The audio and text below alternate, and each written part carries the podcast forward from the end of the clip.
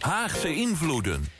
En nu weer snel door naar Haagse invloeden. Het programma natuurlijk over eh, communicatie, lobby en alles wat ertussen zit. Ehm, we gaan het nu vooral vandaag hebben over de Europese verkiezingen, het Europese parlement... en hoe die lobby nou precies werkt in Brussel.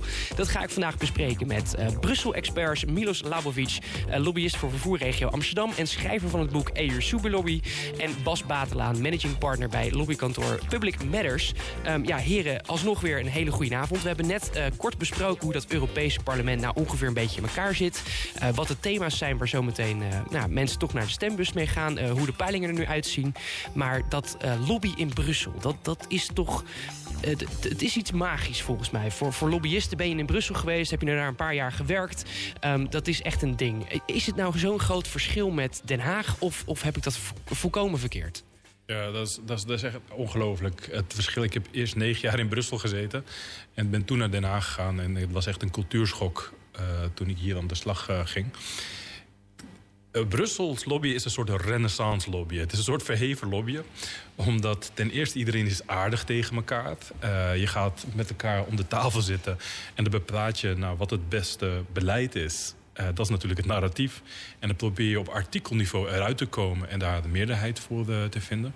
En het niveau van kennis en details dat je moet kennen is, is ongelooflijk. Dus de mensen die daar rondlopen zijn on, ook on, onwaarschijnlijk slim. Maar je kan niet roeptoeteren. Vooral de lobbyisten. Uiteraard, ja. Je, je kan niet roeptoeteren in, uh, in Brussel. Het heeft helemaal geen zin om met je uh, vuist op tafel te slaan. Maar je moet echt wel je kilojoules weten, hoeveel, hoeveel gram of, uh, er in bepaalde stof zit. Of, uh, is het een stad van facts en figures? Enorm, enorm. Ik zeg ook altijd nerds rule Brussels. Hmm. Je moet echt wel je hebt meer aan een statisticus dan een echt een, een, een communicatiepersoon in, ja, Brussel. Dat is een goed bruggetje naar om even de schaal te bespreken. Um, in het lobbyregister van het Europees Parlement staan zo'n 12.000 organisaties ingeschreven. Um, dat verschilt van uh, 0,1 FTE uh, die uh, per maand wordt ingezet tot nou, zo'n kleine 400, 500 FTE volgens mij bij sommige grote organisaties. Um, en er gaat ongeveer 1,8 miljard euro aan geregistreerde lobbykosten per jaar doorheen. ja, dat zijn nogal even wat cijfers. Uh, Bas, uh, kloppen die cijfers ongeveer? Of hoe staat het met het lobbyregister? Nou ja, er zijn ontzettend... Ja, hoeveel er precies zijn, weet ik niet. En dat lobbyregister, dat heb je niet in Nederland overigens... maar wel in Brussel, is ook niet bindend. Dus misschien staan niet eens alle lobbyisten erin. Maar het geeft aan hoe belangrijk de Europese Unie is. Uh, het is natuurlijk een markt van, van 450 consumenten. Dus het gaat over veel meer geld, bijvoorbeeld voor bedrijven... dan, dan alleen maar als je naar Nederland kijkt. Daarnaast is de Europese Unie ook een instituut... wat, wat standaarden zet op een globale schaal. Dus voor Amerikaanse bedrijven, die moeten rekening houden met van ja, wat wordt er nou in Brussel afgesproken over bijvoorbeeld hoe een stofzuiger eruit moet zien. Ik noem maar iets als een voorbeeld. Ja. Dus, dus de economische belangen zijn gigantisch. En daarom zijn er heel veel en hele goede lobbyisten in Brussel om te proberen dat beleid te beïnvloeden. Want is het vooral de beïnvloeding van een, een hele grote markt? Want ik bedoel, we zijn met 480 uh, miljoen uh, Europese, of Europeanen. We hebben een best wel groot inkomen allemaal. We hebben best wel groot bestedingskracht. Ja. Is dat daarom waarom ze in Brussel zitten? Of wat is die, die, die reden dat ze daar in Brussel willen zijn? Nou, omdat het om, over heel veel consumenten gaat. Ja. Dus wat er in Brussel wordt afgesproken... heeft impact op bedrijven die in, in Europa actief zijn... Uh, in die hele grote markt. En daarnaast wat ik zei... als er in Brussel een standaard wordt afgesproken... dan is het vaak een voorbeeld voor de rest van de wereld. In Amerika bijvoorbeeld, nou niet één op één... maar dat, dat heeft daar invloed op. Dus ja. is, de Europese Unie is ontzettend belangrijk voor bedrijven. Zijn we ook steeds meer bepalend geworden in Brussel? Absoluut. Uh, in de zin van op, uh, in de wereld? Of. Ja, in de wereld, zeg maar zeggen, op, op, op internationaal niveau. Dat we zeg maar zeggen, steeds meer. Uh, we, hadden eerst ons, ons, ons voorbeeld liggen in, in Amerika. En dat, dat begint nu meer toch ook echt een machtsfactor te worden in Brussel. Nou ja, ja, dat is een goed...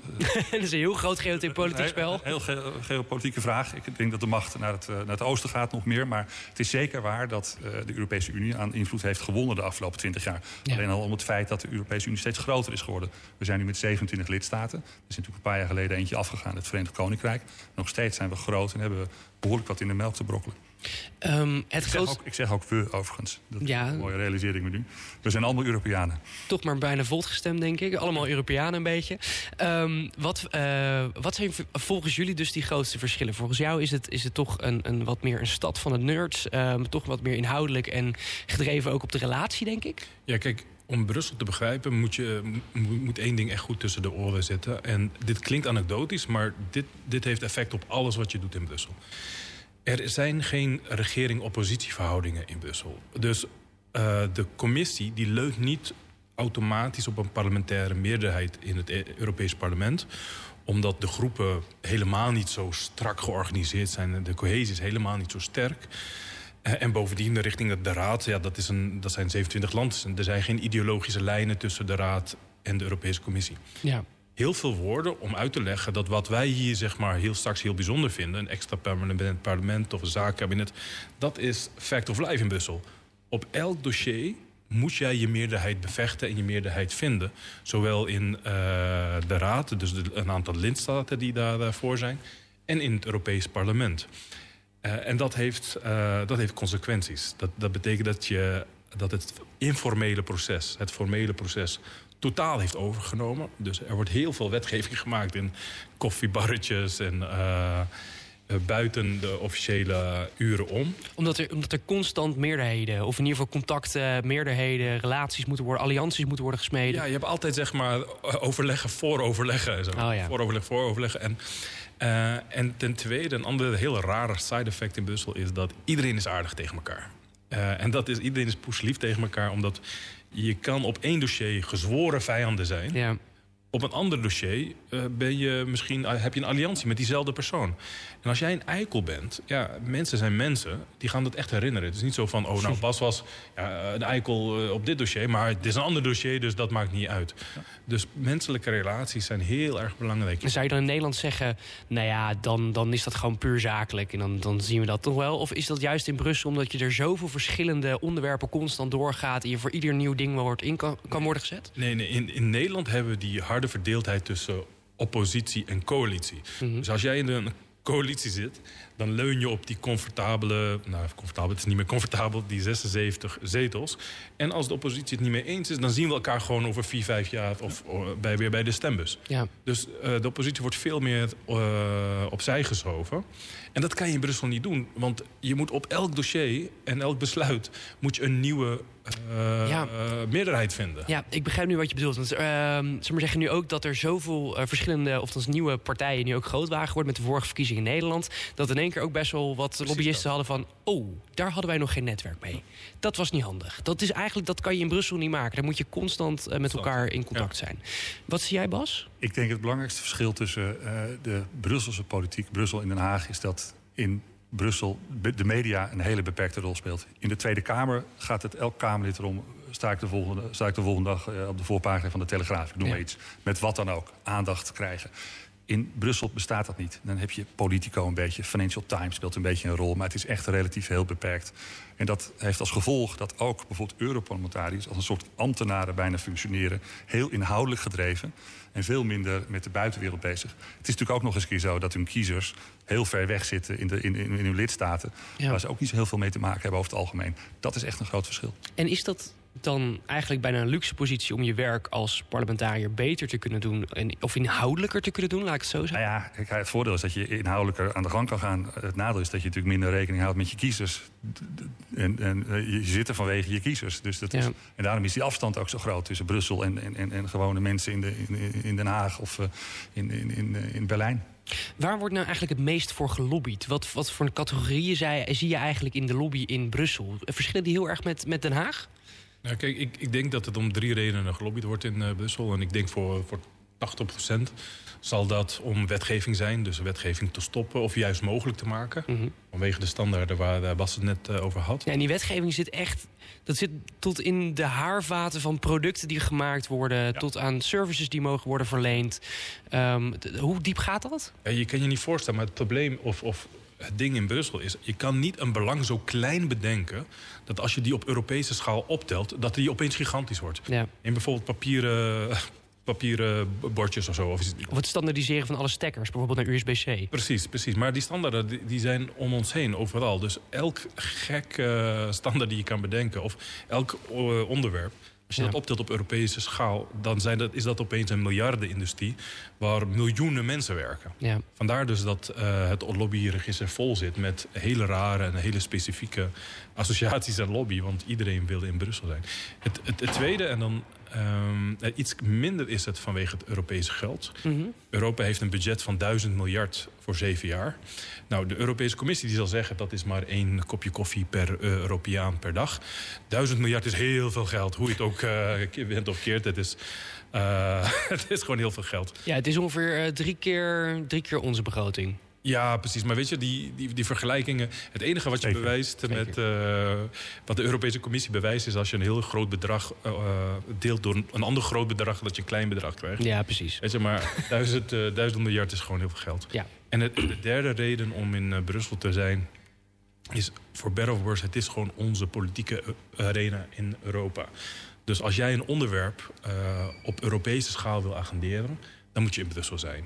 Los nog zeg maar, of het wetgeving is of fondsen.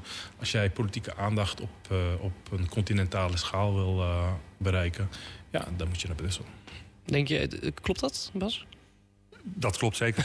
je, je vraag was, voor, was volgens mij welke sectoren, of welke... welke Ja, wat zijn een beetje de, de grootste Ja, de, de afgelopen jaren is denk ik de techsector heel druk bezig geweest. Er waren big tech? Big tech, dus Facebook, Apple, dat soort mega grote bedrijven... die zijn heel actief geweest in Brussel... omdat het eh, de afgelopen jaren ging om een aantal eh, wetgevingstrajecten. De Digital Markets Act onder andere... die voorziet in de regulering van de, van de, van de digitale markt. En- Mhm. en, en, dus dat was extreem belangrijk voor die bedrijven. Dus die hebben er volgens mij ook heel veel geld aan uitgegeven. Ehm, ja, bijvoorbeeld ook Amazon, eh, Huawei, eh, zie ik nog voorbij komen, TikTok. Ehm, alles kan je in ieder geval ook terugkijken, mocht je het interessant vinden, in lobbyfacts.eu. Dat is een, eh, nou, een kleine, klein tipje van mij. Ehm, ja, wat, wat maakt nou eigenlijk die, die Brusselse lobby, wat je zegt... zou je een, een voorbeeld kunnen schetsen van hoe zo'n dag nou in Brussel een beetje uitziet? Ehm, Ja, jazeker. Want een van de dingen wat je ook moet beseffen... we hebben het steeds over hele grote belangen, heel veel cijfers... Ehm, en dat er ook heel veel mensen daar rondlopen. Maar voor elk dossier zijn er maar 50 mensen belangrijk. Dat is ook weer de keerzijde van, van Brussel. Je moet per dossier maar een paar mensen kennen om echt doorslaggevend. Dat is ook eng ergens. Hè? Dat eigenlijk maar 50 mensen, 60 mensen beslissen. Maar als je het vergelijkt met Den Haag... hoeveel mensen gaan hier over een dossier? Ja, oké, maar dat is, dat is wel een continentale schaal. Ja, dat is- Dus, ja, ja. En eh, je dag bestaat er dus uit wetgeving lezen. eh, zorg dat je de procedures goed kent. En heel veel netwerken, zodat je die 50 mensen goed kent. Want eh, het is, dat is echt wel Brussel. Mensen hebben een enorme gunfactor aan de mensen die ze kennen. Ja. Je moet echt wel een insider worden. Eh, want als jij hoe lang duurt zoiets, insider worden? Dat hangt van je persoonlijkheid af. Of je, je moet er wel in investeren. Het netwerk is heel belangrijk. Om Ja. een voorbeeld te geven. Ik heb er negen jaar gewoond, ook met mijn gezin. En mijn kinderen gingen er naar school. En dan stond ik 's ochtends op het schoolplein al. Dat klinkt een beetje, een beetje vreemd. Maar al met de lobbyisten en de commissieambtenaren en de journalisten... stonden we al met elkaar te praten. En dan begon de dag al eigenlijk. Dat is wel een mooi. Klinkt echt als een bubbel, ja. Dat, het is een enorme bulp. Dat is ook een groot verschil. Want alle ambtenaren, lobbyisten, die wonen allemaal... Nou, niet allemaal in dezelfde wijk, maar echt wel... Kennen elkaar, die gaan... Nog net niet in de vierkante die gaan naar kilometer. dezelfde sportclubs, Ja. kinderen gaan naar dezelfde scholen. En dat is hier anders. Mensen eh, zitten niet hier op een kluitje met z'n allen. En, en wonen ook in bijna heel Nederland om verschillende eh, Ja. vertegenwoordiging te doen van belangen en van ook meer. ehm, ja, dat, dat is ook wat ik me wel afvraag. Ehm, hoeveel ruimte is er, omdat het zulke vaak specifieke industriedossiers zijn of, of echt regelgeving. Ehm, in Nederland zie je ook dat er een grote belangenbehartiging is voor ehm, ja, het maatschappelijk middenveld. Of althans meer maatschappelijke belangen.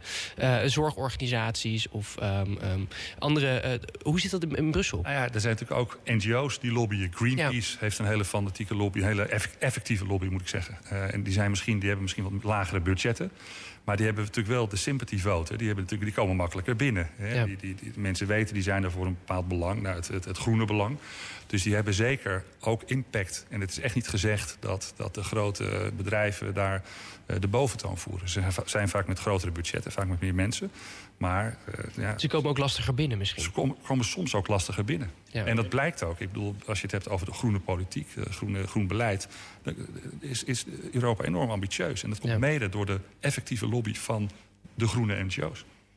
Nou, ik, ik denk ook dat geld echt op de een goede derde of vierde plaats komt als het gaat om effectiviteit in lobby in Brussel. Want Dat is interessant. Absoluut, weet je, want er wordt altijd verwezen naar, die, naar de miljarden. Maar dat wordt helemaal uitgevlakt. Ten eerste omdat heel veel van die bedrijven stroperig zijn. Uh, en NGO's uh, heel veel wendbaarder zijn. Ik geef altijd het voorbeeld van de tweets. Als je vijf mensen moet toestemming moet vragen om een tweet, dan ben je in problemen. Uh, maar de NGO die schiet er per minuut uit. en, en daarnaast in Brussel heerst echt kennis van procedures in je netwerk. Als jij weet echt... Uh, en het is een soort babushka-model. Want elke keer dat je denkt dat het snapt... is er dan nog een procedure in een procedure en in, in een procedure. En ja. we hadden het er net nog over. Weet je wel, het is zo complex. Maar als jij uh, de procedures kent, de inhoud en je hebt een netwerk... dan kan je echt als eenling of als kleine organisatie... veel effectiever opereren dan een lobby die een bataljon aan, uh, aan lobbyisten heeft. Ja, maar goed, het netwerk is heel belangrijk. Ik geef ook wel eens presentaties over lobbyen in Brussel. En dan heb ik een plaatje met een broodje kaas en een uitgebreide lunchtafel. Dat is ook een beetje het verschil tussen. Met een glaasje wijn hoor heb ik ook wel eens. Ja, ja dat glaasje wijn dat doe ik zelf niet. Want uh, als ik met lunch wijn ga drinken, dan uh, ga ik niet meer aan het werk. Maar er zijn er heel veel. Het is een beetje de Franse slag. Zeg maar. ja. Uh, dat gebeurt heel veel. Er wordt langer geluncht. En dat, en dat is het sociale aspect van, van, van, van Brussel, wat heel belangrijk is ook. Kan je daarin komen als Hollander?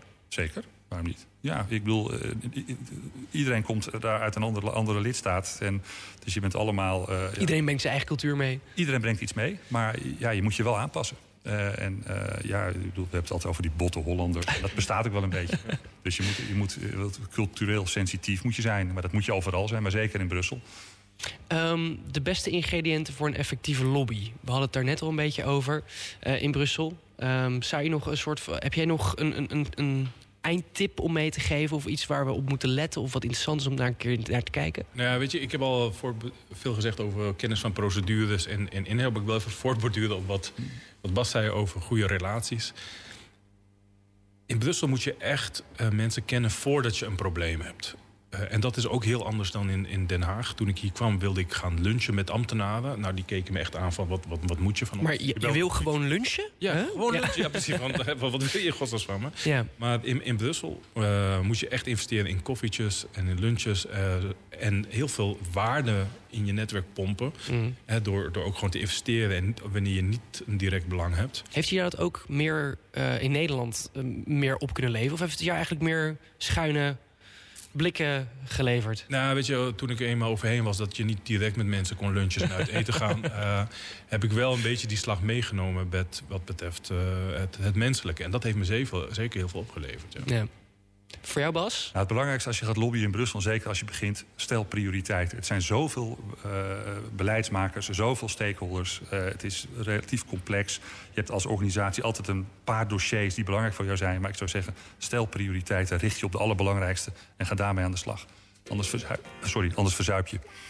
Um, ja, in ieder geval nog uh, een, denk ik, een laatste tip ook voor de luisteraars. Mochten ze uh, meer willen weten over Europese lobby, dan lees vooral uh, jouw boek, Milos. wil je nog pluggen? Uh, ja, want als je niet de technische kant weet... Ik heb ook een ander boek geschreven, Lobbyist van Zeeland. En dat zijn meer verhalen en, uh, en inkijkjes in hoe het, ja, hoe het is om te leven in Brussel. Uh, dus dat is misschien een leuker boek voor, voor op het strand dan... EU Superlobby, wat een beetje een technisch boek Ja, en Public Matters heeft ook natuurlijk met, met Bas Batelaan... ook een fantastische podcast, ook over lobby. Absoluut. Het is de Public Matters podcast in de lobby. En dan interviewen we lobbyisten, maar soms ook beleidsmakers over het vak. En dat, uh, ja, dat is erg leuk. En we, dus uh, komt allen, uh, ga naar www.publicmatch.nl en dan vindt daar de, de, podcast naar je gading. Nou, mocht je dus nog geen genoeg krijgen van al die Haagse invloeden... of al die invloeden vanuit Brussel, dan kan je daar in ieder geval terecht. Maar dit was in ieder geval Haagse invloeden voor deze week. Dank aan de gasten voor vandaag, dus Milos Labovic en um, Bas Batelaan van Public Matters. Volgende week zijn we er weer... Eh, op woensdag tussen 6 en 7. En dan gaan we het hebben over de uitdagers in de traditionele belangenbehartiging. Want de traditionele partijen zoals Land- en Tuinbouworganisatie LTO, FNV en anderen worden uitgedaagd. De traditionele belangenbehartiging zou namelijk sterk verbonden zijn met de politiek... en niet meer volledig kunnen opkomen voor de belangen van hun achterban bijvoorbeeld. Als dit juist goed, uh, of is het juist goed dat de politiek en traditionele belangenbehartiging elkaar weten te vinden? Of is het juist meer afstand tot de politiek een recept voor succes? Dit ga ik volgende week bespreken met Arco Timmermans en Erik van Venetië. Nou, heb je nog nog een vraag of een suggestie voor het programma? Mail deze dan naar sven.denhagevm.nl. Of wil je het programma terugluisteren? Volg ons dan op Spotify of op Instagram. Haagse Invloeden. Voel weer nu weer even genoeg van alle Haagse invloeden. En tot volgende week. Den Haag. Heeft zijn eigen radiostation. Den Haag FM. Jouw stadsradio.